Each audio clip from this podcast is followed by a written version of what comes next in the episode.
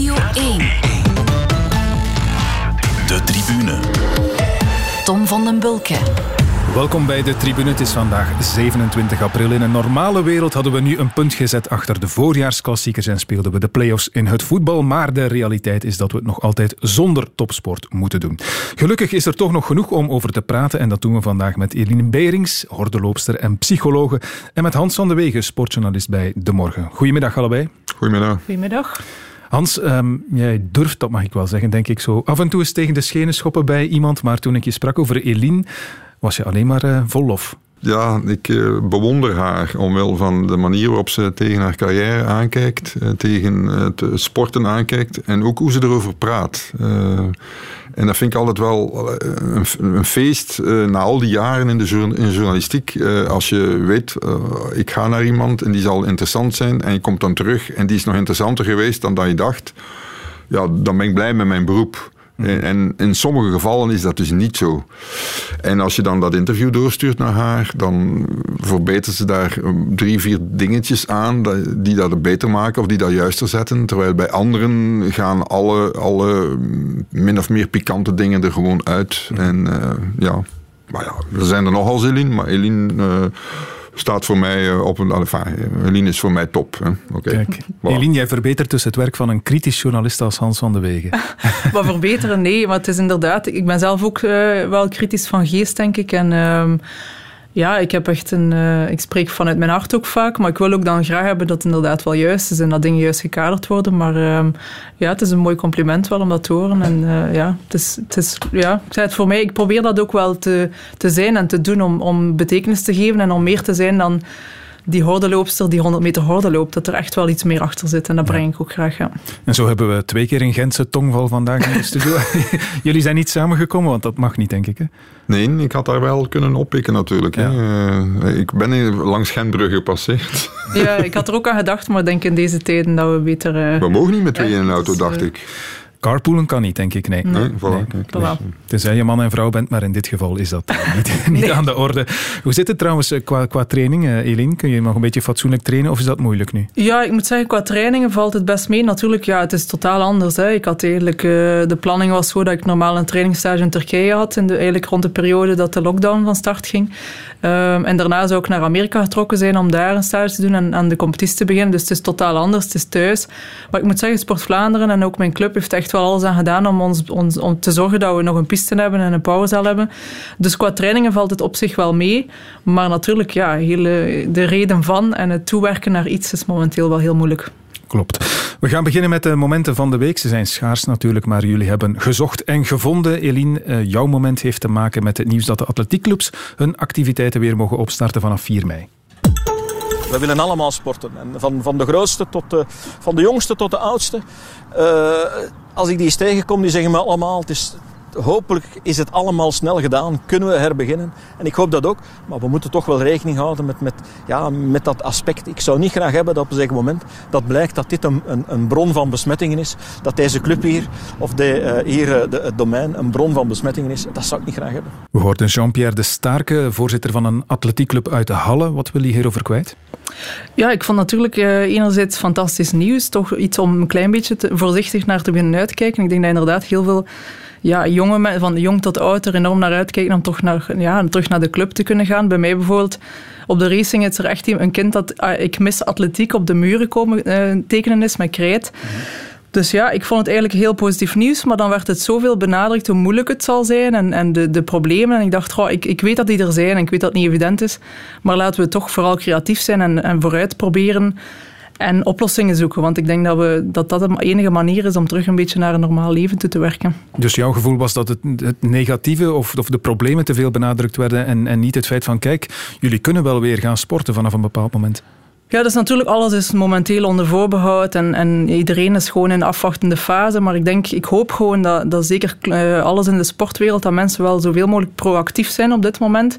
Dat ze zich voorbereiden om op welke manier dan ook, al is het een hele kleine mini-stapjes, om toch weer richting, richting sport te gaan. Sport is fantastisch, het is gezond, het is sociaal.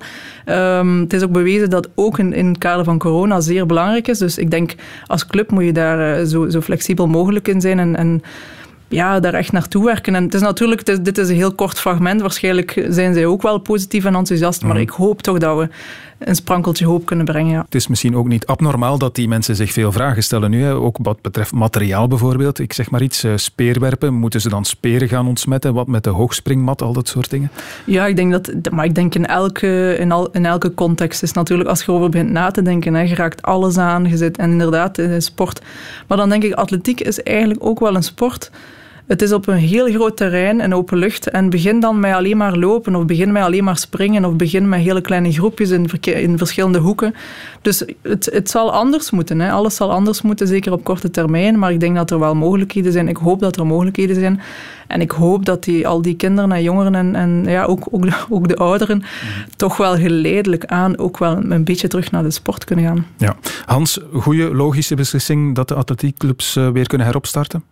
Uh, ja, ik vond eigenlijk al uh, dat er heel veel andere sporten ook niet hadden moeten stilgelegd worden. Maar ja, Zoals? Ik, oh, tennis bijvoorbeeld, dat had perfect kunnen doorgaan. Ook atletiek. Uh, paardrijden, mensen die, die op een paard gaan zitten en die door de natuur rijden, die houden sowieso anderhalve meter afstand. Die mochten ook niet meer, wat handig was van mij, want dan kon ik met de mountainbike over die paardenpaden. Maar uh, ja, nee, ik vind, eerlijk gezegd, ik, zal, ik ga daar eerlijk in zijn en dan zal ik waarschijnlijk heel veel kritiek krijgen. Ik vind dat we overdrijven, echt waar. Ik, ik denk, er is een, een epidemie, juist, maar er is nu ook een epidemie van virologen en epidemiologen die elkaar tegenspreken, die elkaar bevestigen, die zeggen aan de ene kant, uh, ja, als je aan de klink komt is het gevaarlijk, als je aan een speer komt is het gevaarlijk, de ander zegt dan, nee, nee, dat is helemaal niet gevaarlijk.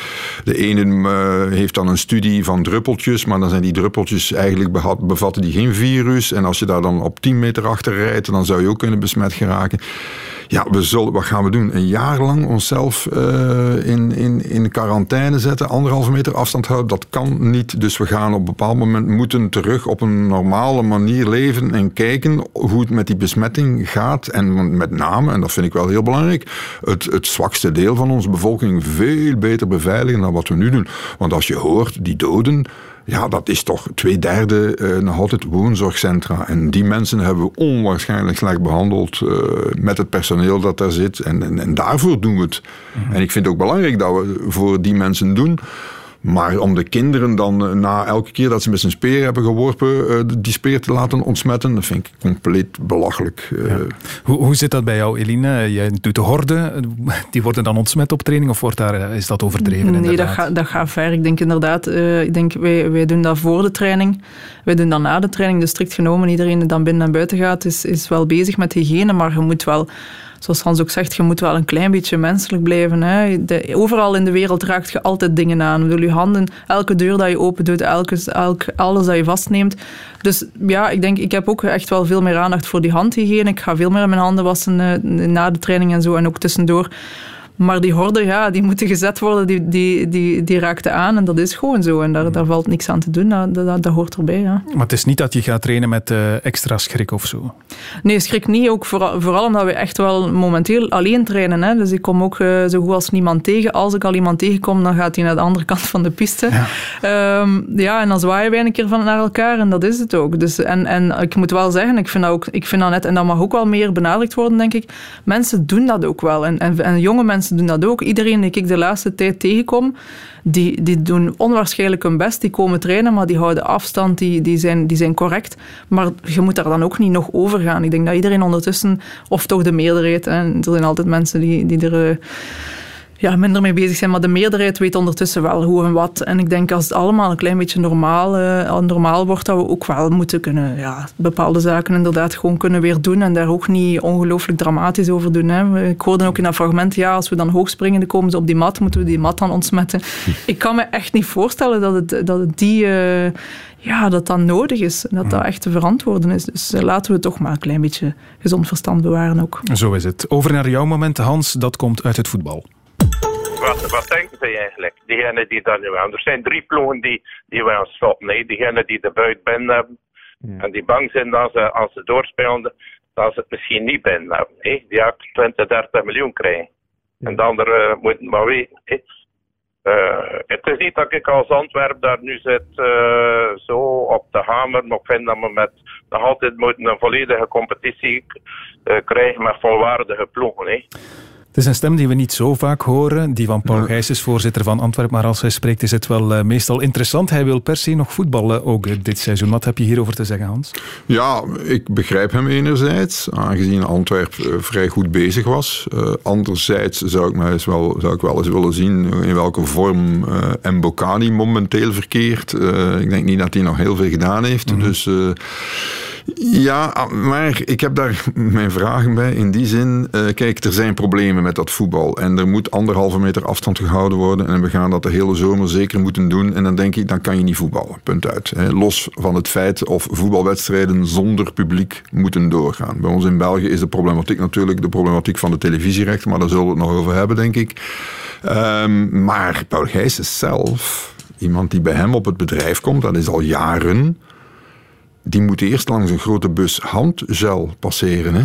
bij Gelamco. Smetvrees. Ja, die heeft smetvrees. Die gaat bijvoorbeeld ook, ja, die heeft een hele rare, een hele rare, nee, een, een, een vrij goede visie, wetenschappelijke visie trouwens ook op gezondheid. En die gaat ook zo min mogelijk koolhydraten eten, eh, omdat dat dan uh, allerlei ziektes veroorzaakt. Uh, mm -hmm. Het is een heel speciale man. En hij uitgerekend die dan eh, zegt van ja, de voetballers moeten dan maar voetballen en wij willen verder voetballen, want wij, wij kunnen eventueel nog tweede worden. Daar gaat het over. Het gaat hem eigenlijk over tweede worden. En het gaat hem eigenlijk over Antwerpen dat hoger wil eindigen dan Gent, dat momenteel de tweede plaats heeft en de voorronde van de Champions League mag spelen. En zeker in de Europa League daardoor al zit. Daar gaat het hem over. Ja. Maar uitgerekend de man met smetvrees. Je moet echt je handen ontsmetten als je daar binnenkomt bij Gelamco. En dan kan je. En een handen geven doet hij niet vaak. -huh.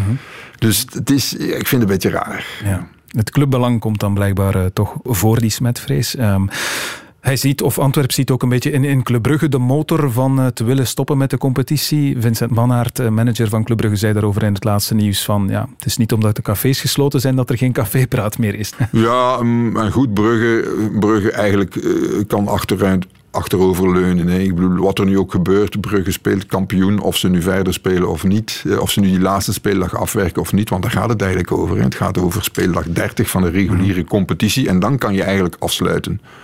Uh, dus, en, en, en ik denk, niet dat hij, ik denk niet dat hij Brugge viseert. Wat dat betreft is hij de typische West-Vlaming die niet zijn achterste van zijn tong laat zien. Hij viseert eigenlijk eerder Gent. En, ja. en Gent en Louagie, Gent, Louagie, enerzijds de Witte, anderzijds. En, en Gijsens hebben een, een, een, een haat-liefde, soms liefde, soms haatverhouding.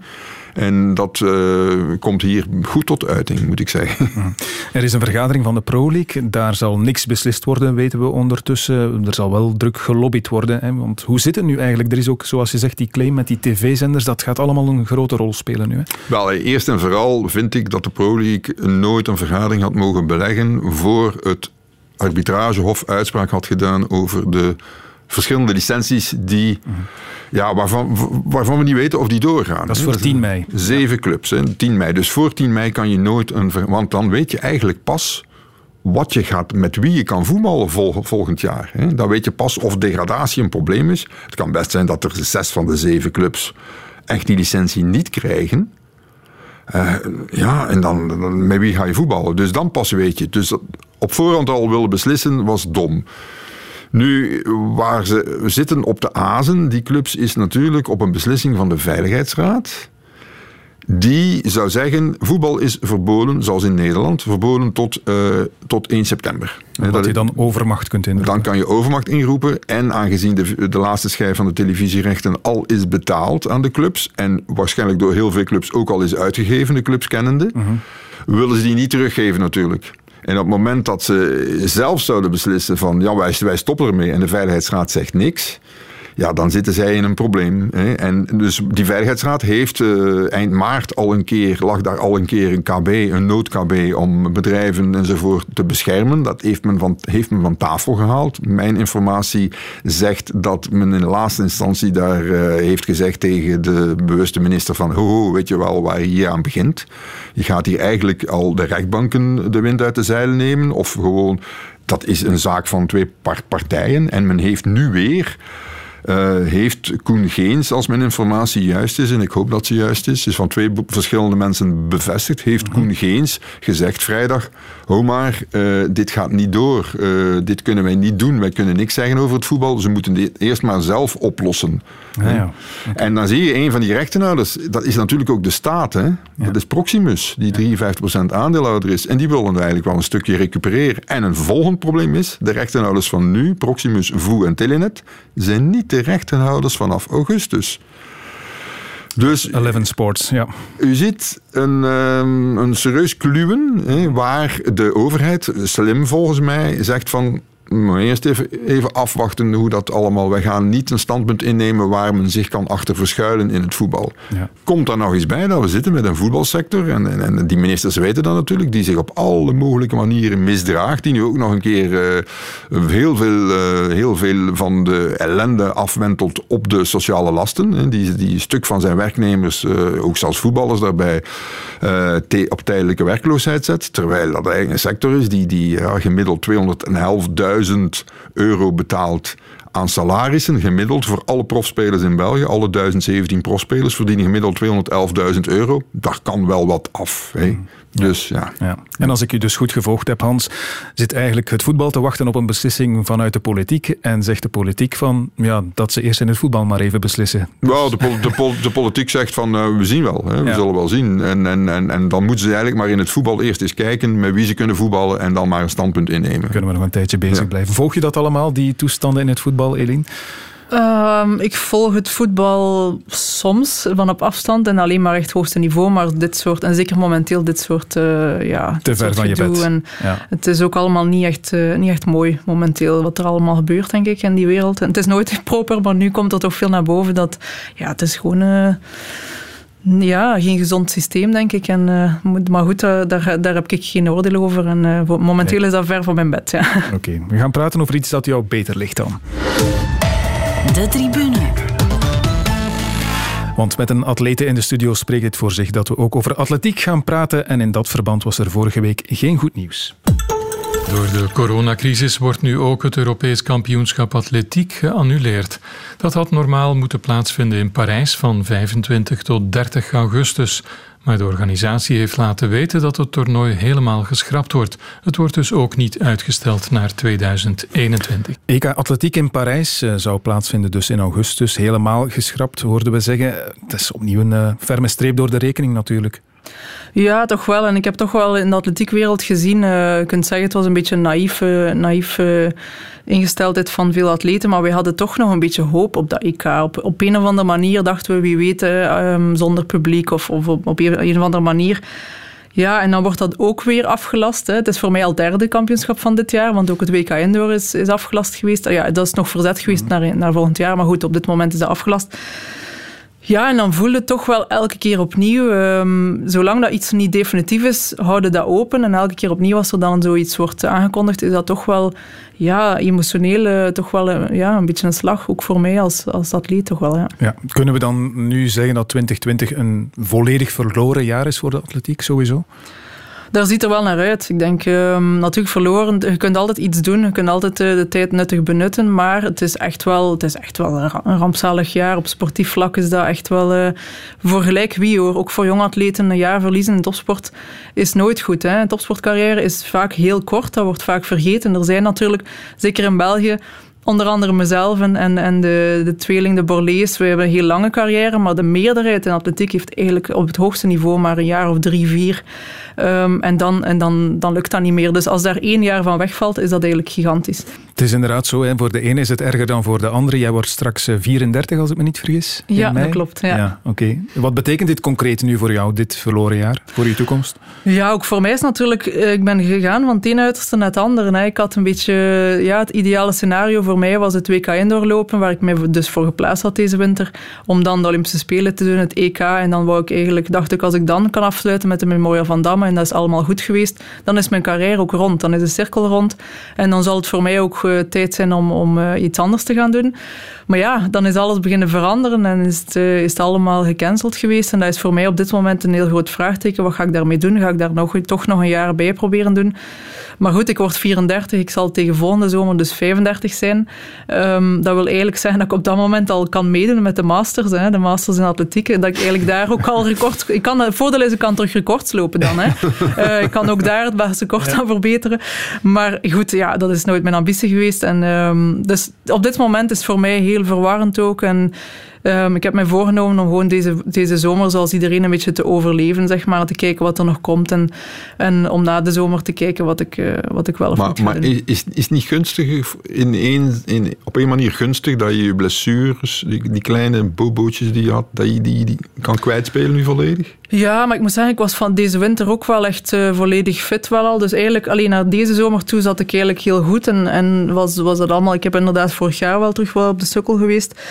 Maar dat is waar. Dat, ik denk zeker op mijn leeftijd denk ik dat het verstandigste nu is om niet te zot meer te doen, om, uh, om gezond te blijven. En um, ja, als er nog iets valt te lopen van wedstrijden, kan ik dat overwegen. Maar ik denk niet dat ik mij daar nog extreem op ga blijven voorbereiden, omdat je natuurlijk ja, ik zit met een lichaam dat al 15, 16 jaar, zelfs meer topsport doet. Wat wil zeggen dat ik dus ja, wekelijks ja, 8, 9, 10 trainingen per week al draai. Dat is gigantisch lang, dat is gigantisch veel en daar komt natuurlijk slijt op.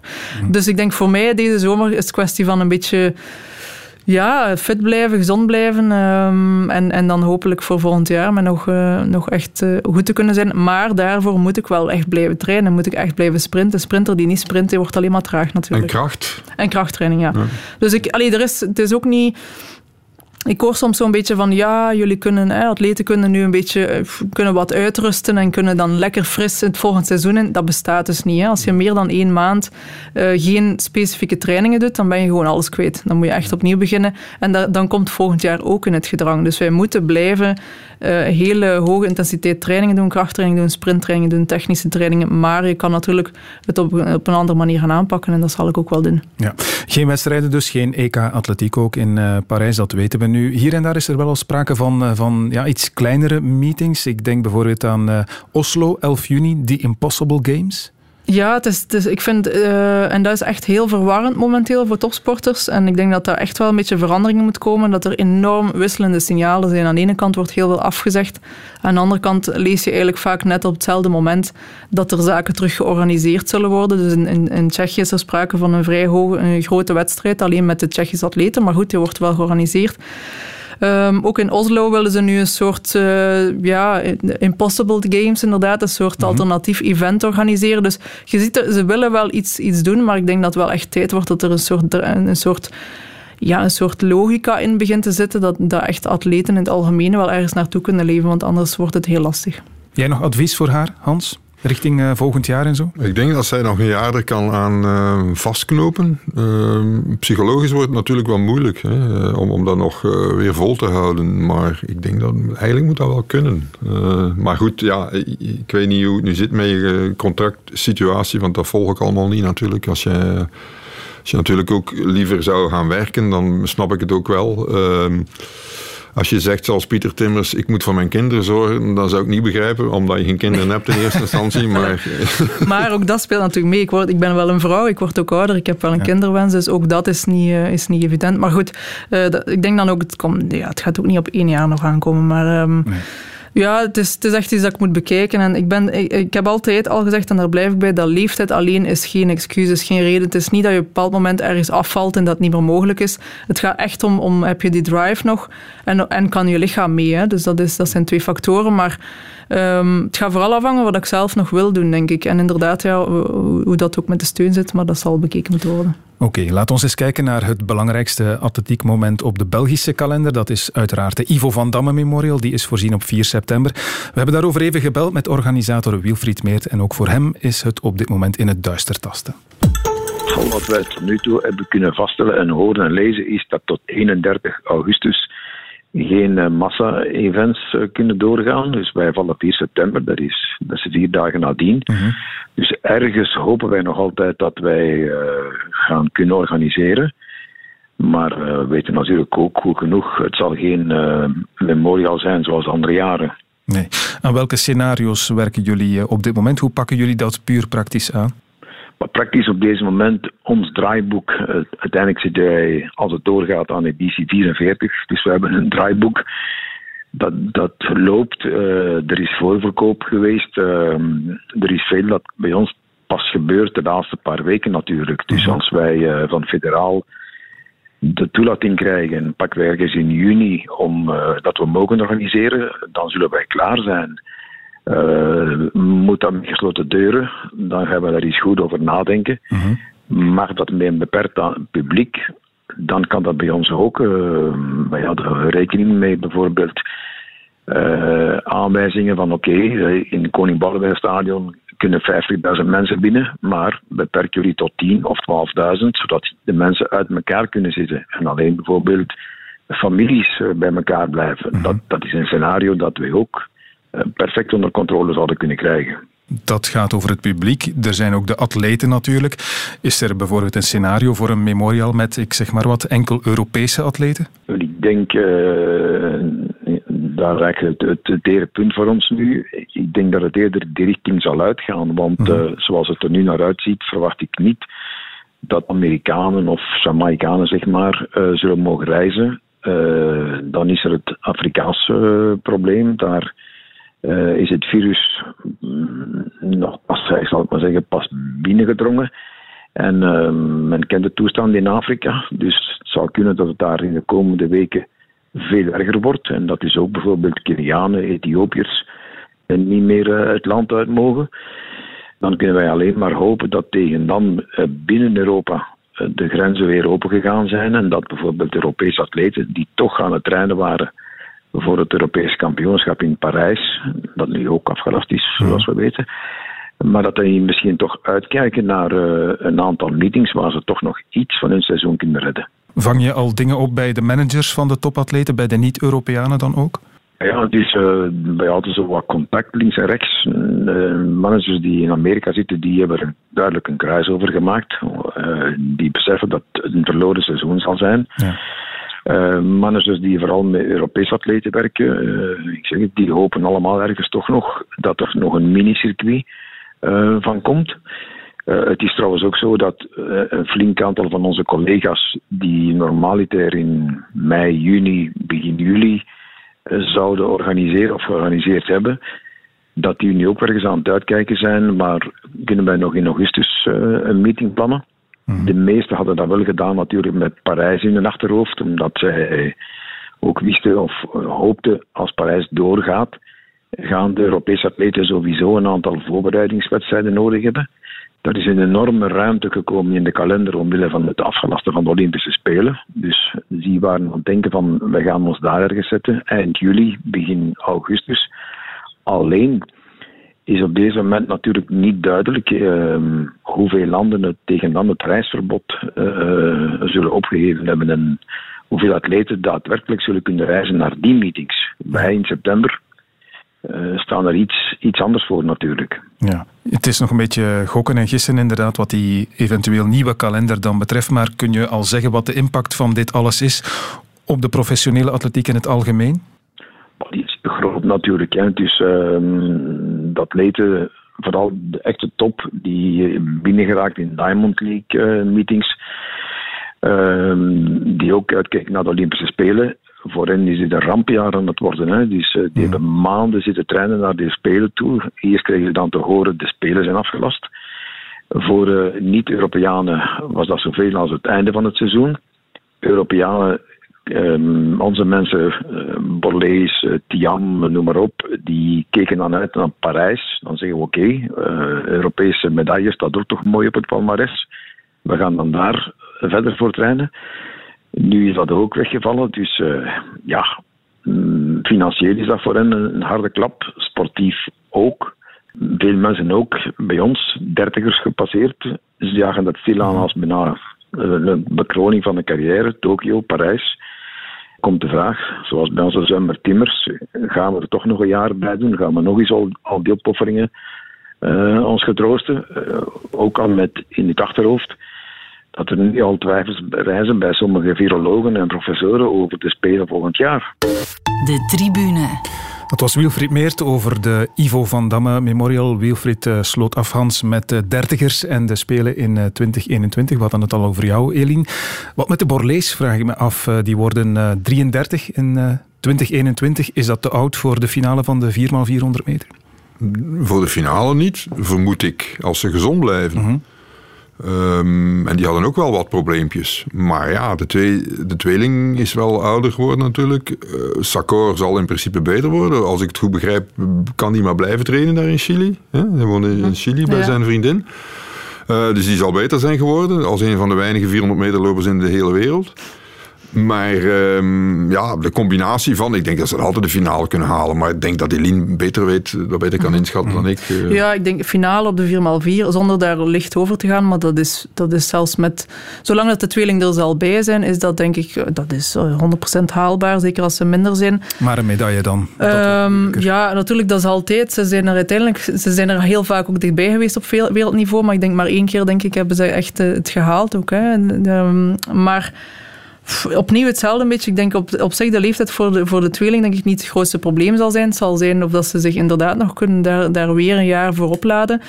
Um, het grote voordeel is dat ze inderdaad met Jonathan Sakor zitten, die heel jong is en die onwaarschijnlijk veel talent heeft. Dus ik verwacht, ik verwacht dat, dat Jonathan eigenlijk binnen, ja, binnen nog een jaar van nu eigenlijk een enorme stap gaat zetten. En dan kan de tweeling eigenlijk wel nog wel een klein beetje, ja, een klein beetje minder, minder snel gaan lopen. En dan hebben ze eigenlijk nog altijd een heel goede ploeg. Dus het zal ook van de vierde loper nog afhangen wat die doet. Um, en wie dat, wie dat zal zijn. Maar ik denk, er zijn zeker perspectieven en het hoeft niet negatief te zijn. Ik denk dat de tweeling zal doorgaan en dat de rest misschien beter wordt. Jonathan Sakor, Hans, durf jij daar al voorspellingen over doen, over hoe hoog die kan eindigen? Nee, uh, maar uh, ik heb nu wel uh, de jager Roger Moens gehoord eh, dit weekend. En die mm. zegt van dat, dat er geen enkele junior eigenlijk doorbreekt. Dus, maar hij schat geen, kans... Geen enkele wereldkampioen bij de junior. Ja, geen enkele wereldkampioen bij de junior, sorry. Ja. Doorbreekt echt tot op het hoogste niveau. Maar hij schat de kans toch wel, wat is het 1 op 5 of 1 op 4 of zo. ja, ik, ik, ik ga me daarbij neerleggen. Ik, uh, ik weet het dus niet. Ik hoop het wel voor die jongen, dat hij een beetje meer... Uh, ja, eerst en vooral, het is wel een raar type natuurlijk. Hè. Het is niet uh, het type van de Amerikaanse 400 meter loper. Echt nee, nee, bonkig is... gespierd, het is ja. een, lenig. Dus ik denk dat wat dat, betreft misschien, wat dat betreft misschien wel een voordeel heeft op al die anderen. Ja, hij heeft een voordeel in die zin dat hij eigenlijk is... Allez, ook gezegd, het is nog geen atleet. Hè. Het is echt nog een, een jongetje. Mm -hmm. Dus hij heeft... Wat, dat, wat in, ik ben er wel mee eens, wat je soms ziet in atletiek, is dat er op heel jonge leeftijd al heel hard wordt getraind. Dat is zeker bij jongens, uh, bij mannen. Um, dat er heel veel wordt... Ja, ze veranderen natuurlijk heel veel op die leeftijd. En soms wordt dat zodanig uitgebuit op die leeftijd dat ze enorme progressie maken. En daarna dat die progressie stopt.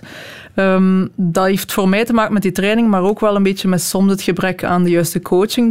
De, jaren nadien om echt op het hoogste niveau te komen. Want het vraagt ook een andere manier van coaching. En ook dat vind ik soms ontbreekt te veel in België.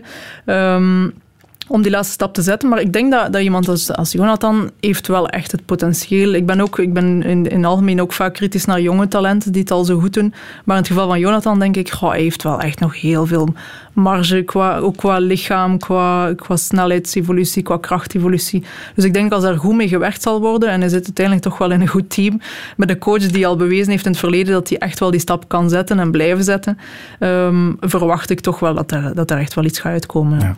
Hans, verwees naar het interview met eh, Roger Moens, ex-wereldrecordhouder op de 800 meter en 90 jaar geworden afgelopen weekend. Hij zei ook, in het nieuwsblad was het, um, alle respect voor Nafi Tiam, maar zij is kampioen in een discipline met maar één concurrente. Wat vind je daarvan? Wel ja, dat is natuurlijk een problematiek die uh, vaak wordt aangeraakt. Uh, die wij ook al een keer hebben aangeraakt, nu waar, Eline?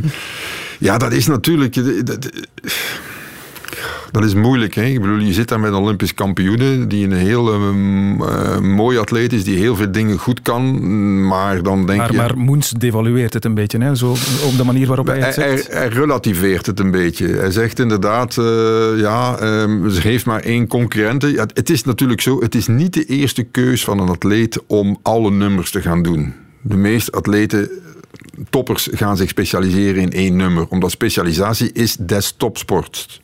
En zij heeft dat dus niet gedaan. Maar ze is daarin wel weer absolute wereldtop. Hè. Ze heeft nu al een, een tegenstandster, die, die KGT. Hè. Uh, Johnson Thompson. Johnson Thompson, ja, die, die, die dat ook goed kan. En uh, ja, kijk, ik geef hem gelijk uh, voor een stuk. Maar aan de andere kant natuurlijk moeten we absolute bewondering wel hebben voor Nafitiam. Ook voor uh, hoe ze dat allemaal aanpakt, vind ik haar manier van, van doen. Maar je kan natuurlijk niet zeggen dat je Nafitiam kan lopen. Dat kan ze dus niet. Nee. Hè. Ze kan niet lopen. Al de rest Ja. kan ze heel erg goed. Ik denk, ik denk een beetje wat ik, wat ik een beetje mis en wat het de misvatting is, denk ik dat niet noodzakelijk. Het is absoluut geen kritiek op, op de prestatie van Nafitiam. Ik denk ook als je haar historisch bekijkt, haar historisch ten opzichte van bijvoorbeeld een Carolina Kluft in het verleden, die toch ook wel ongelooflijk atlete was, of, of zelfs het wereldrecord van Jackie Joyner Kersey. Um, Nafitiam is, is een fenomeen. Dat is, ik heb daar ook al naast gestaan als ze 100 meter horde tegen mij moest doen. Ik, ik loop natuurlijk een pak sneller als haar, omdat ik een individuele ben. Maar het is een ongelooflijk imposant atleet. En ze heeft wel echt iets, iets heel uitzonderlijk. En ik denk, haar prestaties... Ik zeg altijd, kampioenen zijn kampioenen in gelijk welke sport, in gelijk welke discipline. En zeker zij behaalt een onwaarschijnlijk niveau. Maar de breedte van een zevenkamp en de breedte van een tienkamp zijn echt wel veel minder dan de breedte in de 100 meter of de breedte in de 200 meter. Als je gaat kijken naar de top 10, top 20 je zakt het niveau echt wel veel sneller dan op die individuele nummers. En dat wordt soms wel wat vergeten. Daar ben ik het wel mee eens. Is het voor Tiam trouwens, uh, want die heeft ook haar uh, blessurezorgen natuurlijk, die elleboog om die maar te noemen, misschien wel in haar voordeel dat een aantal dingen uitgesteld zijn?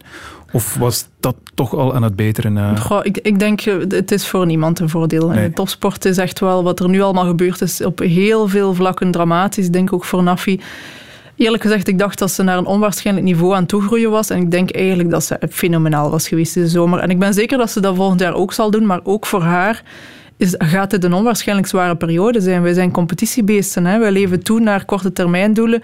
Wij leven van stage naar stage, van training naar training, naar wedstrijd naar wedstrijd. En nu komt er waarschijnlijk maanden helemaal niks. En ook voor Nafitiam zal dat een beproeving zijn. Maar ze is zo nuchter. Het is een van de meest nuchtere atleten die ik ken, denk ik. Ze is zo down to earth, zo bezig met haarzelf, zo bezig met haar eigen proces. Dat ik denk, als er iemand is die daar zeker goed, goed zal tegen kunnen en er goed uitkomt, is het inderdaad Nafitiam, denk ik. De tribune. Afgelopen vrijdag was er de veelbesproken persconferentie van de Veiligheidsraad met premier Sophie Wilmes. Wat we daar niet gehoord hebben was enig perspectief voor voetbal of wielrennen, de twee grootste sporten in ons land. Dat zorgt blijkbaar voor frustraties, maar wat het voetbal betreft, seizoen stoppen of niet, heeft viroloog Steven van Gucht de deur misschien toch een beetje op een kier gezet. Hij deed dat in een interview met VTM. Dat is iets dat besproken wordt momenteel uh, tussen de mensen van de geest, hè, die zich bezighouden met de exit-strategie en de verschillende sectoren, waaronder uh, de voetbalbond. Uh, Ik denk dat men vooral een beetje bevreesd is voor de neveneffecten. het idee dat supporters in het geheim gaan samenkomen op locaties om te gaan supporteren voor hun team, waardoor dat je dan toch weer van die clandestine bijeenkomsten gaat krijgen, die broeihaarden kunnen zijn voor het virus. Zijn de supporters een groter probleem dan de voetballers zelf, Hans? Ja, ja. uiteraard. Ja. Ik bedoel, uh, ja, supporters willen gewoon uh, bij hun club zijn. Hè. Als je ziet dat... Uh, en die willen ook... Ja, Club Brugge heeft mondmaskers gemaakt. Er zijn er 27.000 verkocht op één dag. Dat is ook handig als ze natuurlijk in Bommelhem afspreken met de hooligans van Antwerpen. En dan zijn ze niet herkenbaar. Maar goed, dat is een ander verhaal. Dat zullen er geen 27.000 Zullen er geen 27.000 zijn, maar ze hebben misschien veel mondmaskers nodig. Hè? Dat kan ook dat zijn kan per, ook. per persoon. Nee, nee, maar goed, je ziet gewoon... Maar natuurlijk zullen die supporters samenkomen en samen naar wedstrijden kijken. Dat doen ze als die wedstrijden op, op, op, op play zijn en, en ze kunnen niet gaan kijken en niet iedereen heeft play. Die zullen samen bij elkaar thuiskomen. Zoals ik ook alweer families zie samenkomen de afgelopen week. Ik, bij mij in de straat ook. Die komen ook samen. Uh, drie generaties. Uh, de twee kinderen plus alle kleinkinderen zitten daar dan. En, en, dat wordt openlijk gedaan. Dus dat zal ook openlijk gebeuren. Dus net hetzelfde verhaal van daarnet. Ja, op een bepaald moment gaan we toch een beetje moeten loslaten en kijken waar we uitkomen. Uh, zonder dat we dan weer in de situatie terechtkomen. Ja, we zitten nu al aan 1400 of 1300, wat was het? Uh, intensieve zorgbedden. En, en, en we hebben er maar 2100. Uh, Oké, we hebben er dan 800 over. Moet je die dan allemaal opvullen met voetbalsupporters? Misschien ook wat overdreven. Maar ja, op een bepaald moment gaan we dat toch moeten loslaten, zolang we geen vaccin hebben. Uh, ik ga het nog eens herhalen, een hele zware griep is 650.000 doden wereldwijd. We zitten nu aan 220, 230. Uh, en die griep die heeft dan nog uh, vaccinaties gehad. Hè. Dus, dus dit is een onbekend zeer zwaar beestje maar waarmee wij zullen moeten leren leven. En de vraag is dan, is leren leven uh, het volledig anders gaan leven, anders naar voetbal gaan, gaan kijken? Ik denk dat dit echt... Uh, ik denk dat we volgend jaar gaan zeggen, ja oké goed, we hebben misschien een klein beetje overdreven. We gaan het... Uh, het is toch het nieuwe normaal. Dat we niet zo snel een hand geven, niet zo snel gaan zoenen enzovoort. Maar voor de rest zullen we toch wel weer dichter bij, bij elkaar komen. Je ziet wel dat in het buitenland er uh, datums geprikt worden. En nu om het voetbal te hervatten, zelfs, zelfs in, ja, in een maar... probleemland als uh, Italië wordt er al een datum gekozen. Dat is, dat is de economie, hè? Ja. Net zoals de economie wil opengaan, de bloemenwinkels open willen tegen moederdag, wil ook het voetbal open. En in deze landen die open willen, dat zijn specifiek de landen waar nog heel veel televisierechten moeten worden betaald aan de clubs. En waar die clubs eigenlijk nu ja, met het water aan de lippen staan. Met name de Italiaanse clubs. Die hebben, denk ik, het Italiaanse clubs geeft uh, 75% van zijn omzet uit aan salarissen. Dus op het moment dat ze die salarissen willen blijven betalen, wat ze nu nog altijd doen, en die omzet zakt met, met laten we zeggen, 20%, dan zijn die eigenlijk failliet. Dus die willen dat niet. Dus die gaan voetballen. Wat, wat het ook kost, gaan die voetballen. Maar voetbal in een leeg stadion, ja, ja, dus, Met uh, en anderhalve meter afstand ja. houden, zoals Michel Doge zegt, want dat is nog steeds de regel. Kan niet natuurlijk. In Italië mag je nu buiten. De kinderen onder de 14 jaar in Spanje mogen ook een keer een half uur buiten. De honden mogen nog wel langer buiten, maar goed. Ja, eh, en, en dan twee meter afstand houden als je voetbalt. Dat gaat dus niet. En, en, en kijk, ja, oké, okay, die. De, wat is het? Is, het is een viroloog, hè, zeker, Steven van Gugh? Ja. Die zegt dan het ene. En onze andere vir viroloog, Mark van Rons, laat dan. Uh, de, de, de mogelijkheid open om met mondmasker te voetballen. Dan heb ik gezegd, is het alle dagen in april, 1 april misschien? Of, of uh, hoe zit het hier? Dat, dat, kan dus niet. Ja, dat is gewoon, je, je, krijgt geen zuurstof binnen. Heb jij, heb jij het al eens geprobeerd om te lopen met een mondmasker, Eline? Nee, nee, en ik denk inderdaad dat dat gewoon... Dat dat ja, zuurstof en, en, en, ademen is voor ons wel, wel uh, cruciaal. En ik denk dat iedereen wel, wel, uh, wel voelt als je met zo'n mondmasker rondloopt, dat dat alles behalve ideaal is. En uh, ik denk dat dat ook geen oplossing is. Ik denk dat we inderdaad moeten sporten als het weer veilig kan, als het verantwoord is. En dat we dan ook gewoon moeten kunnen sporten. Ja. Ja. Nederland, Hans, is het enige land dat er echt al een streep onder getrokken heeft. geen voetbal tot 1 september. Maar je ziet wel dat de Nederlandse Voetbalbond nu overheidssteun aangevraagd heeft. Ja. En niet een klein beetje. 400 miljoen euro hè, zouden ze, ja, leidt de sector verlies. God ja, ik denk dat ook in Nederland daar de reactie. Ik, heb, ik lees die Nederlandse kranten nog steeds. Uh, die is meewarig natuurlijk. Zegt ja, oké okay, jongens, het zal allemaal wel. Maar ga dan, wat ik ook al een keer heb gezegd, ga dan gewoon eerst kijken waar het geld zit. En het geld zit natuurlijk in die enorme salarissen in die club. En ga dan gewoon de tering naar de nering zetten. Het is iets minder. Uh, je moet geen 350.000 meer betalen aan de spelers. Uh, ze kunnen waarschijnlijk van 175.000 euro per jaar ook boterhammen eten. En ze gaan niet in de straat in de goot belanden. Dus... Uh, Nee, ik denk niet. Ja, de sector vraagt dat nu, maar dat zal op een koude steen vallen in Nederland. Dat weet ik bijna zeker. Jij komt uit een uh, andere sport uiteraard, Eline. Een sport waarin je het ja. met veel minder moet doen. Zeker als je niet tot de absolute sterren behoort. Hoe kijk jij daarnaar, naar die profvoetballers en, en ja, de steun van de overheid die ze kunnen genieten? Ja, op zich, daar, uh, daar heb ik... Uh, ik heb er wel een mening over, maar ik vind niet dat, dat mijn mening daarin echt belangrijk is. Maar wat ik wel een beetje van, van ehm, verbaasd was, is in het nieuws, was inderdaad, er is nog geen beslissing over, de, over sport. Dus we weten niet wanneer er wielrennen en voetballen zal zijn. En dan denk ik, hallo, er zijn ten eerste heel veel kleinere sporten, maar ook gigantisch veel mensen, niet alleen professionele sporters, maar gigantisch veel mensen die, die wachten op een antwoord en clubs ook, uh, wat dat er zal kunnen, wat er niet zal kunnen. Dus één vind ik dat stil aan tijd wordt dat er beslissingen genomen worden, ook in de sportwereld, want het is ongelooflijk belangrijk. Um, maar ook dat er eindelijk, ook in België, uh, toch wel een beetje meer aandacht is aan het feit dat er ook andere sporten zijn. En sport is niet alleen voetbal en wielrennen. En ik weet dat daar het grote geld in zit en dat daar andere belangen spelen en ook economie natuurlijk veel groter uh, meespeelt. Maar ik mis echt, wat ik echt mis in de sportwereld nu, is een beetje weten waar we naartoe gaan. Hè. Weten waar we naartoe gaan op korte termijn, weten waar we naartoe gaan op lange termijn. Want op deze manier, de sportwereld is, is een prestatiewereld, hè. Is, is doelgericht, is korte termijn planning. En momenteel staan we echt on hold. En ik hoop dat ze echt wel niet blijven uitstellen. En uh, niet manjana, manjana in de sportwereld, maar echt nu. In, in sport is de toekomst altijd vandaag. Intussen is er een studie geweest. Zal je niet verbazen dat die over voetballers ging, Eline. Maar het is een uh, Amsterdamse universitaire studie. En daaruit blijkt dat uh, steeds meer profvoetballers in deze tijden last hebben van depressieve gevoelens. Jij bent ook psychologe van opleiding. Is dat inderdaad een aspect dat misschien onderschat wordt? De verdoken ellende bij de topsporters? Ik denk, je moet het op twee uh, manieren bekijken. Dat is natuurlijk zeer contextgebonden momenteel. Ik denk als je in de totale bevolking momenteel zo'n vragenlijst doet, dat je ziet dat in de totale bevolking heel veel, ja, heel veel mensen met depressieve gevoelens zullen te kampen hebben, omdat dat nu eenmaal ja, wat er allemaal gebeurt is niet echt iets positiefs voor de, voor de algemene gemoedstoestand van de persoon. Maar ik denk zeker, zoals ik ook al gezegd heb, in de sportwereld zijn we van het ene uiterste naar het andere gevallen. Hè. We zijn van een, van een zeer bewegende wereld waar constant iets gebeurt, zeer dynamisch, zeer prestatiegericht, zeer gestructureerd, zijn we teruggevallen naar wacht even. Mhm. Allemaal stilstaan, hou je gewoon wat fit en we zien wel. Maar topsporters die, die zijn niet bezig met fit zijn. Wij trainen niet om een sixpack te hebben, wij trainen niet om, om core stability te hebben, wij trainen echt om prestaties te leveren. En ja, ik denk dat dat heel veel meespeelt, dat je daar natuurlijk enorm, dat is volledig weggevallen en sporters zijn een beetje zoekend naar de, de betekenis van de trainingen. En zo ook het betekenis van ons dagelijks leven eigenlijk. Um, ik denk dat sommige sporters ook misschien dat nu wel de moment is om te gaan kijken van wie ben ik naast ik als voetballer, wie ben ik naast ik als atlete. Dat er echt wel soms sporters zijn die daar te weinig in ontwikkeld zijn en die daar nu in vastlopen.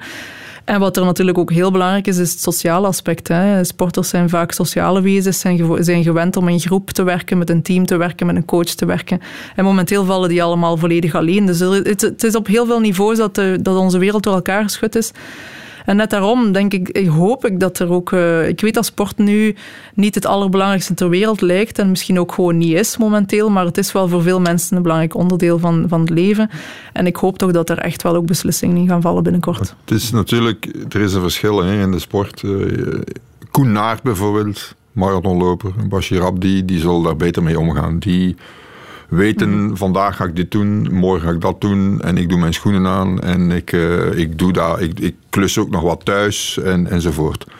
Voetballers daarentegen worden tegenwoordig, alle voetballers die we nu kennen, zijn eigenlijk vanaf hun achtste gepamperd geweest, opgehaald met busjes. Hun is gezegd geweest wanneer ze moeten trainen, hoe ze moeten trainen, hoe ze naar het doel moeten schoppen, hoe ze terug naar huis moeten geraken. Als ze later in de eerste ploeg komen, krijgen ze s ochtends ontbijt op de club. Niet omdat ze het zelf niet kunnen thuis uh, klaarmaken, maar omdat ze anders slecht ontbijt zouden nemen. Mhm. Krijgen ze s middags eten op de club. En krijgen ze ook nog eten thuis besteld als het uh, echt niet anders kan en als, als niemand kan koken thuis. En dat valt allemaal weg. En dan word je depressief. Heel dat kader valt weg. En dan heb je alleen nog PlayStation. Ja. Hè? Want een boek lezen, ik ken er.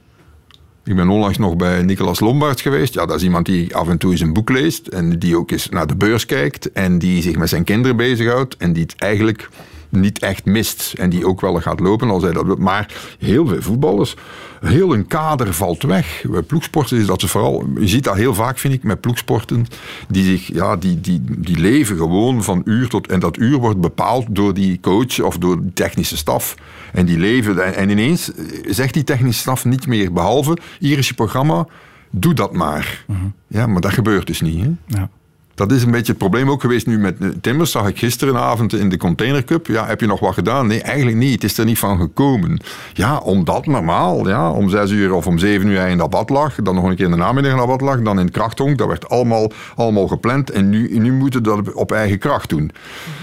Ja. Het is echt, het is echt een, deze periode zie ik echt dan... Uh, echt wel als een uitdaging om, om ja, en niet elke sporter zal dat kunnen, dat zal nu blijken, hè, maar een uitdaging om, om zeer flexibel in, uw, in, in, in mind te zijn en om die intrinsieke motivatie wordt nu enorm aangesproken, hè, van uzelf aanzetten, ik ga om tien uur naar de piste alleen, ik ga daar mijn horde klaarzetten en ik ga die hordetraining doen. Want het is enorm lastig hè, om dat op die manier te doen en zeker sporters die gewend zijn dat iemand anders dat bijna voor, voorkoudt, ja, die vallen nu uh, in een heel andere wereld. Maar ik denk dat dat net het moment is om daar echt wel mee aan de slag te gaan. Want ik denk dat toch de essentie Oh ja, om, om echt het beste van jezelf te kunnen bereiken, als je dat echt wilt bereiken, dan, dan moet je dat wel kunnen. Dan moet je de zelfdiscipline hebben, moet je intrinsieke motivatie hebben en dan, dat is de enige manier. Maar dat moet nu onwaarschijnlijk veel aangesproken worden. Ja. Horen we de minister van Sport genoeg, Hans Ben Wijts? Je hoort hier en daar zeggen dat hij vooral bezig is met het onderwijs en niet met de sport. Nu, dat kan ook wel voor een stuk kloppen misschien, ik weet het niet. Ik vind dat we het in België niet slecht hebben gedaan, in de zin van, we zijn niet zoals Nederland geweest, daar heeft Maurits Hendricks, uh, omdat hij wat gefrustreerd was, had ik de indruk, dat is de, de, de, de chef van het NOC-NSF, technische chef, heeft dan ineens gezegd, ja, alle sporters moeten stoppen met trainen in, in Nederland. En, en dan keek ze naar het buitenland, dan zagen ze in België wel nog mensen die konden trainen. En zeiden ze, ja, maar ja, en wij, en wij. Ja, en in Nederland is het echt niet erger dan bij ons. En nu mag het wel weer. Ik denk dat, dat Wijts uh, en Sport Vlaanderen vrij goed hebben geanticipeerd op de hele zaak. En... Ik neem aan dat jullie kunnen nog op de atletiekbaan. Hè? Niet alle kinderen kunnen daar waarschijnlijk op. Nee, maar de eh, prof, de, ze hebben eigenlijk on, onmiddellijk onze... Zijn jullie indoor kunnen dagen, blijven trainen? Ja, dus, de, dus maar natuurlijk een heel selecte groep. Hè. Dus ik, weet niet juist op welke manier ze selectie gemaakt hebben, maar echt wel de atleten die in voorbereiding waren en zijn voor de Olympische Spelen. Um, dus enkel dat niveau, maar en onder zeer strikte voor, voorwaarden, zoals ik zeg, maar maximum één of twee tegelijk, handen wassen, alles erop en eraan. De deur wordt echt letterlijk alleen voor ons open en toegedaan. Maar we hebben vanaf dag één nog de hal beschikbaar gehad. We hebben de krachtzaal beschikbaar gehad. Um, dus er, ik, ik vind ook... Um, ik ben blij dat ze beseft hebben dat er geen aan- en uitknop is voor topsport. Hè. Op het moment dat je de knop uitdraait, gaat topsport, stopt het ook. En dan verlies je zoveel tijd... En dan kun je eigenlijk van vooraf aan beginnen. Ik denk, ik denk inderdaad, atleten bijvoorbeeld in Nederland is rampzalig geweest voor hun heel die periode. Um, Spanje, dus, Italië, ja, Frankrijk. Die zitten gewoon thuis en ik ben daar wel van, van geschrokken. Niet, niet, ik, bedoel, ik, ik vind niet, uh, je moet je niet zelf boven alles en iedereen stellen, maar we zitten nu eenmaal in een wereld Waar je, zoals ik zeg, als je een maand niet naar je werk gaat, kun je niet een maand nadien terug naar je werk gaan en gewoon rustig verder doen op het niveau waar dat je was. Dat niveau is volledig weg op dat moment. Dus, en Sport Vlaanderen heeft dat gelukkig begrepen en de politiek heeft dat wel begrepen en heeft ons op zijn minste kans gegeven om de trainingen nog te kunnen... Uh, maar er is heel arbitrair mee omgegaan. In, in, Italië mocht er niks gebeuren, er mocht echt niks. Er mocht niet buiten, er mocht niemand uh, nog een keer zijn joggingschoenen aan doen. Maar Pellegrini, zwemster, die, ja, die mocht blijven zwemmen bijvoorbeeld. Ja. Maar een wielrenner die mocht niet buiten komen met zijn fiets. De reden is, want de wielrenner zou kunnen vallen en als de wielrenner valt moet hij naar de kliniek en daar ligt het al vol. Ja, het is niet de bedoeling dat de wielrenner valt. Bovendien, als er veel minder auto's zijn, dan zal hij ook niet aangereden worden. het is ook niet de bedoeling dat Eline uh, nog een keer uh, haar kruisband scheurt en dat ze daarom moet geopereerd worden. Nee, Sport, ja, en ik ben geen, geen topsporter, dus als ze mij thuis zetten, oké, dat zou nog normaal zijn. Maar topsporters, ja, je kan inderdaad niet zeggen, dat is geen bedrijf dat eventjes sluit en dat de productie stillegt hoor, dat gaat niet. Nee. Topsporters uh, straks uh, met z'n allen depressief en naar de psycholoog, maar wij willen helpen. De tribune. Voor diegenen die er de moed bij verliezen toch, we vroegen ons af waar we nog sportbeleving kunnen vinden en Hans, je hebt blijkbaar naar basketbal gekeken in Taiwan zowaar. Well, hello, everybody, and good afternoon, good morning, good evening, wherever you're watching. Uh, we're in New Taipei City for the SBL Finals, the 17th SBL Finals. And this is game three, although the series is knotted at two games apiece. So has it up top, gets it over to Lou. Lou's had a couple of fast starts, and he already hits from three point range. Taiwan Beer tegen Yulon Dino's, ah, als ik me niet vergis. Uh, dino's, was, het, enige... was het de moeite? Nee. Na tien minuten uh, heb ik het... Ja, eerst en vooral doet er maar één zwarte mee, dus dat is geen basketbal, dat is al duidelijk. en, en dan, ja, deze spelen zijn, zijn, zijn basketbalspelers, maar het is niet de moeite om naar te kijken. Het spelen zich af in een turnzaal met uittrektribunes waar, die niet waren uitgetrokken, want er mocht niemand zitten. En dan, ja, en die commentaar, die man weet, wist ook nergens van. Die is daarin gedropt waarschijnlijk van, van de FIBA. Die moest dan commentaar geven. Nee, dit is niet de manier om met ons om te gaan. Hè? Nee. Er was ook uh, vorige week de virtuele ronde van Zwitserland. Is er uh, iemand die daar naar kijkt, vraag ik me af. Ik heb die van Ronde van Vlaanderen gezien, maar die van Zwitserland niet. Ik heb wel gevolgd dat Rowan Dennis alles heeft kapot gereden. Dat is natuurlijk een hele goede Rowan Dennis. Uh, maar, uh, je, je, kijkt er wel niet naar. je leest dat dan, dat uh, Dennis inderdaad twee of drie ritten wint. Ik weet het niet. Maar je kijkt, je kijkt er niet naar. Dus spreekt dat aan, vraag ik me af. Nee, dat is absoluut geen erzats als... Uh, kijk, het, de erzats van naar het stadion, voor naar het stadion gaan, is thuis kijken. Maar er moet nog altijd publiek zijn, het moet nog altijd ergens omgaan, het moet nog altijd een traditie hebben van, ah, dit is de Ronde van Frankrijk, of dit is een EK atletiek, of dit is een WK, of dit zijn Olympische Spelen. Maar ook die, wat is die special games daar in Oslo? Nee, het zijn geen special games. Ja, Impossible, games. Impossible games. Special games is nog iets anders, die zullen waarschijnlijk ook niet doorgaan. Uh, ja, nee, dat, dat dat is, niet, uh, dat is niet wat het is. Dus we moeten gewoon afkicken. En het is niet omdat we aan onze heroïne geraken we niet meer. Maar het zal mijn daffelhandje niet helpen. Eh, Tom Dumoulin heeft ook gezegd dat die virtuele koersen eigenlijk niet betrouwbaar zijn. Uh, renners rijden met verschillende systemen, verschillende rollensystemen. En, en daar zit dan ook weer ja, verschil op, inderdaad. En ook als je als je gewicht niet juist intikt, dan heb je een ander wat, wattage. Hè? Dus... Ja, nee. Het, is, ik zou het ook niet aanraden. Het is wel aan te raden als je zegt van kijk, we hebben hier uh, tien van dezelfde tax staan, hè, of, of een ander model, en tien atleten komen naar hier of naar deze plek en worden allemaal gewogen, uh, naakt. En dan gaan we precies dat gewicht instellen. En zijn net zoals een beetje het zeilen. Hè. In het zeilen, uh, als Evie van Akker moest gaan zeilen, en Emma nu, dan, dan krijgen die een zeilboot. Hè. Het is niet hun zeilboot. Niet, uh, niet naakt gewogen. Nee, nee het is, maar het is niet hun zeilboot. Ik bedoel, ze krijgen een zeilboot die identiek dezelfde is. Ja. Dus, en dit zou ongeveer ook kunnen, maar niet uh, wat we nu hebben gezien. Oké, okay, Greg van Avermaet had fantastisch gepresteerd in de Ronde van Vlaanderen, maar die zit dan bij hem thuis. Remco Evenepoel zit op zijn terras. Uh, was dat ook wat uh, Dumoulin zei, dat het vreemd was dat uh, bijvoorbeeld Wout van Aert in die, in die Ronde van Vlaanderen er niet aan te pas kwam, terwijl hij eigenlijk de koning van de wattage is? Ja, maar er zit daar ook een vorm van motivatie in om dat te willen doen. Hè. En in het geval van Greg van Avermaet had het natuurlijk ook veel te maken met het voortbestaan van zijn team. Hè, wat echt aan een zijden draadje hangt. En die, die man heeft, een, heeft toch een, een, bepaald uh, gevoel, een verantwoordelijkheidsgevoel. Ik zeg niet dat Wout dat niet heeft, maar Wout gaat zich dan ook niet echt nee. willen kapot rijden. Bovendien, moet ook niet vergeten, Wout heeft waarschijnlijk nog wel wat opwarming nodig. Die, die, die, die blessure zal nog niet helemaal geheeld zijn, om dan zo meteen te beginnen knallen. dus nee. Maar Kijk, waarde, nog, geen waarde aan hechten, nee. absoluut niet. Kijk eigenlijk nog naar iets, uh, Eline, de best of Eline Berings op YouTube of zo? Ik weet niet of nee, dat ja, het zou niet slecht zijn, want dat is wel, dat is wel aangetoond. Hè, dat je eigenlijk door naar je eigen topprestaties te kijken, dat je echt wel mentaal ook kan, uh, kan fris blijven en visualiseren. Dat, het is belangrijk om je successen te herbekijken inderdaad en die zeer scherp te houden. Dus ik zou, het zou eigenlijk geen slechte training zijn om dat wel een keer te doen. Maar ik heb dat nog niet gedaan en Op dit moment uh, ja, ben ik een beetje, ben ik eerlijk vrij offline, moet ik zeggen. En ben ik met heel weinig nog bezig en probeer ik mij gewoon een beetje eigenlijk te overleven momenteel. En, en vooral in een beetje wachtpositie van, van wat er nog komt. Maar je bent, jij, jij woont alleen, hè? Jij ja. woont, dus, En is dat niet vervelend? Heel ja, dat is, dat, is, dat is heel lastig. Hè? Zeker, ik zei het, trein, naar, naar de training gaan, alleen naar de training gaan en dan alleen terug thuiskomen. Uh, het, is niet, nee, het zijn zware tijden. En ook dat vind ik soms in, in hele debat en zo. Ik, denk, ik ben lang niet de enige, denk ik, die in zo'n situatie zit. En ik hoop ook daar dat men, dat men echt wel stil aan aandacht heeft voor het sociale aspect, voor sociaal isolement. Want als er iets is waar mensen ziek van worden, is het van alleen zijn. Ja. Um, dus ja, het is, het, is geen, het is geen gemakkelijke periode voor mij. Ik geef dat ook toe. Ik denk dat ik waarschijnlijk ook niet fantastisch score op de, op de vragenlijsten momenteel, zonder daar dramatisch over te willen doen. Maar het, het zijn zware tijden. Het zijn echt zware tijden, absoluut. En je houdt van sport en in dat verband kan ik je wel een uh, docu-serie heel erg aanbevelen die momenteel loopt op Netflix. The most famous man on the planet is here. My name is Michael Jordan. I played with the Bulls from 84 to 98.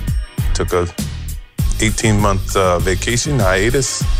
So I would say that 13 years uh, that I played with the Bulls.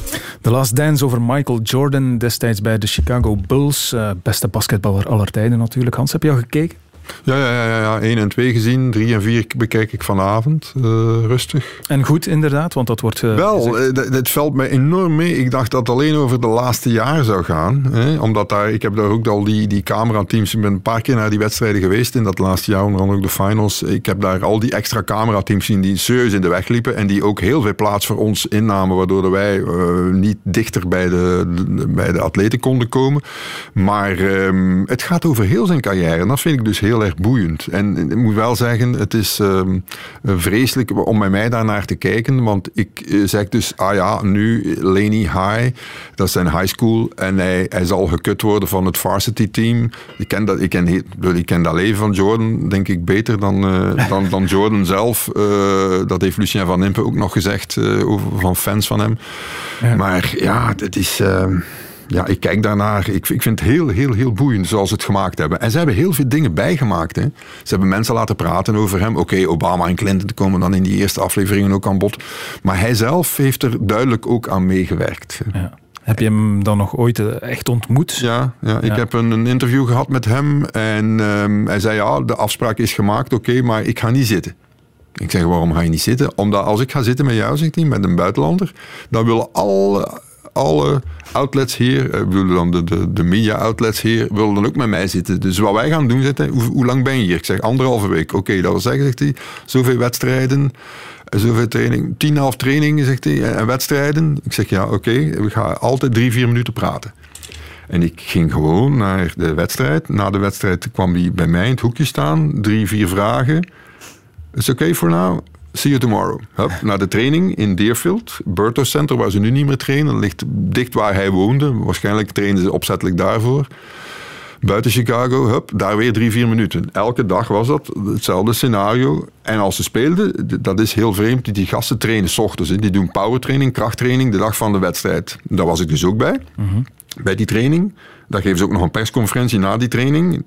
Weer drie minuten. Na de wedstrijd weer drie. Dus ik had zo elf keer drie minuten, 33 minuten. En elk woord wat Michael Jordan zegt, is gewoon bruikbaar. Je hebt dat met atleten, heb je dat. En waar je veel, veel ballast moet weggooien. Uh, en alles. Maar bij Jordan niet, dat was gewoon hij, had, hij is ook altijd verkozen geweest in het mediateam. Het all-media team van de NBA. Dus de best interviewable athletes. Jordan was daarbij. Die, met, mensen met de beste quotes.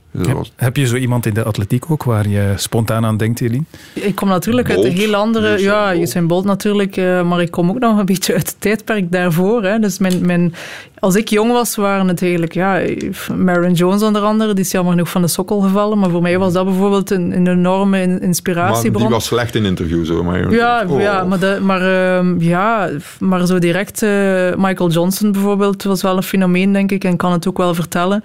Mm um, dus dat zijn wel de figuren. En ik denk inderdaad, Bolt, dat dat niet alleen door zijn prestaties, maar ook echt um, iemand was die echt wel iets, iets bracht. Hè. Meer dan, ik, ben 100, ik kan heel rap 100 en 200 meter lopen, maar die bracht iets. Die bracht niet, ook de show, maar die, die kon ook wel echt wel, uh, wel de meeste, brengen. De meeste hele goede sporters zijn ook hele goede vertellers. Mhm. Maar er zijn een aantal uitzonderingen. Hè. Uh, Eddie Max was bijvoorbeeld zo iemand, dat was heel moeilijk. Mhm. Maar Mathieu van der Poel is ook zo iemand. Hè. Dat is, die interviews zijn niet makkelijk met Mathieu van der Poel. In elk geval The Last Dance, dus uh, absoluut de moeite waard op uh, Netflix. En over Netflix gesproken, voor de liefhebbers, er is ook al een tijdje een reeks over de Movistar wielerploeg van vorig jaar. Die gaat over de vele conflicten, onder meer tussen de kopmannen binnen de ploeg.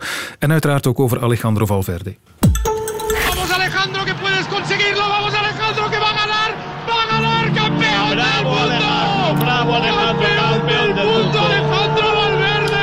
Lo que yo quería desde pequeño, que era ser campeón del mundo, ya, ya lo he sido y eso va a estar ahí.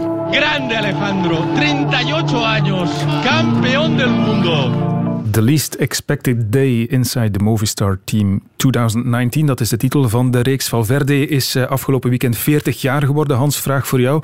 Is hij een grote dopinggebruiker geweest als je ziet dat hij op die leeftijd nog altijd meedraait aan de top in het wielrennen? Ja, het een heeft niks met het ander te maken. Zeker met, de, met de doping die hij heeft gebruikt, EPO, uh, is niet de doping van de jaren 70. De steroïden en de corticosteroïden vooral, waar je, kun je niet mee kapot maken. Ja. Ja. Met die EPO kan je niet echt kapot maken.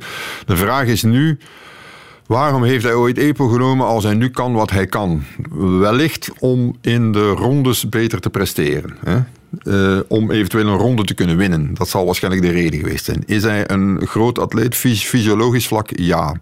Is hij clean? Daar is de vraag natuurlijk. Er bestaat zoiets als celgeheugen. Op het niveau van steroïden is dat al bewezen. Namelijk als je gedurende een tijd steroïden neemt en je stopt dan, ja, dan ben je eigenlijk niet clean. Je hebt daar een effect van dat jaren verder gaat. Is dat ook zo met EPO? Dat weten we niet. Moeten we daarom Valverde altijd aan de hoogste boom ophangen als hij een keer iets wint? Moeten we daar altijd een vraagteken bij zetten? Ja, ik vind van wel. Uh, maar aan de andere kant moet je wel zeggen, uh, ik vermoed dat hij het nu wel clean doet. Het zou natuurlijk mm. al te gek zijn. Ja. En dan is het natuurlijk een, een, zoals ze zeggen dus ook in Spanje. In Spanje noemen ze hem de beste renner van deze eeuw. Hè? En dat zou wel een keer kunnen dat hij bij de allerbeste renners behoort van deze eeuw. Ja. Ja. Eline, ik ken zelf één voorbeeld toen ik er daarnet over nadacht uit de atletiek van een 40-plusser. Marlene Otti. Mm -hmm. Ja. Die liep op haar 44ste nog op de, op de Olympische Spelen in Athene. Ken, ken jij er nog? Uh, ja, ik denk dat Gail Dievers ook op de, op de horden uh, heel lang heeft doorgedaan. Toch ook ongeveer tot haar 40ste. Want ik herinner me dat ik een van haar laatste wedstrijden dat ik tegen haar nog gelopen heb. Ah, ja.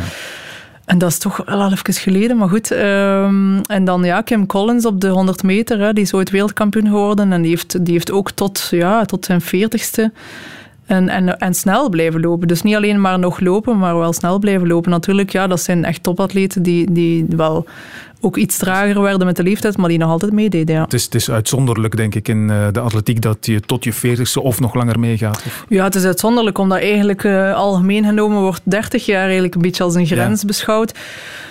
Um, nu, ik denk dat dat wel een klein beetje veranderd is de, laatste jaren. Ik denk dat dat vermoedelijk misschien ook wel met doping te maken heeft. Hè. Dat carrières nu langer duren, omdat er toch wel...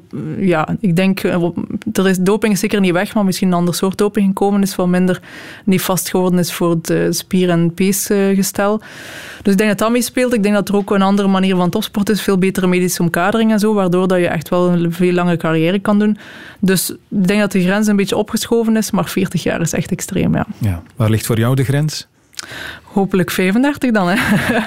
Het is een mooie leeftijd, maar we zullen zien. En ik geloof, ik geloof niet in die grenzen. En ik vind dat er veel te veel in hokjes wordt gedacht in atletiek. Ik hoor dat zo vaak in interviews.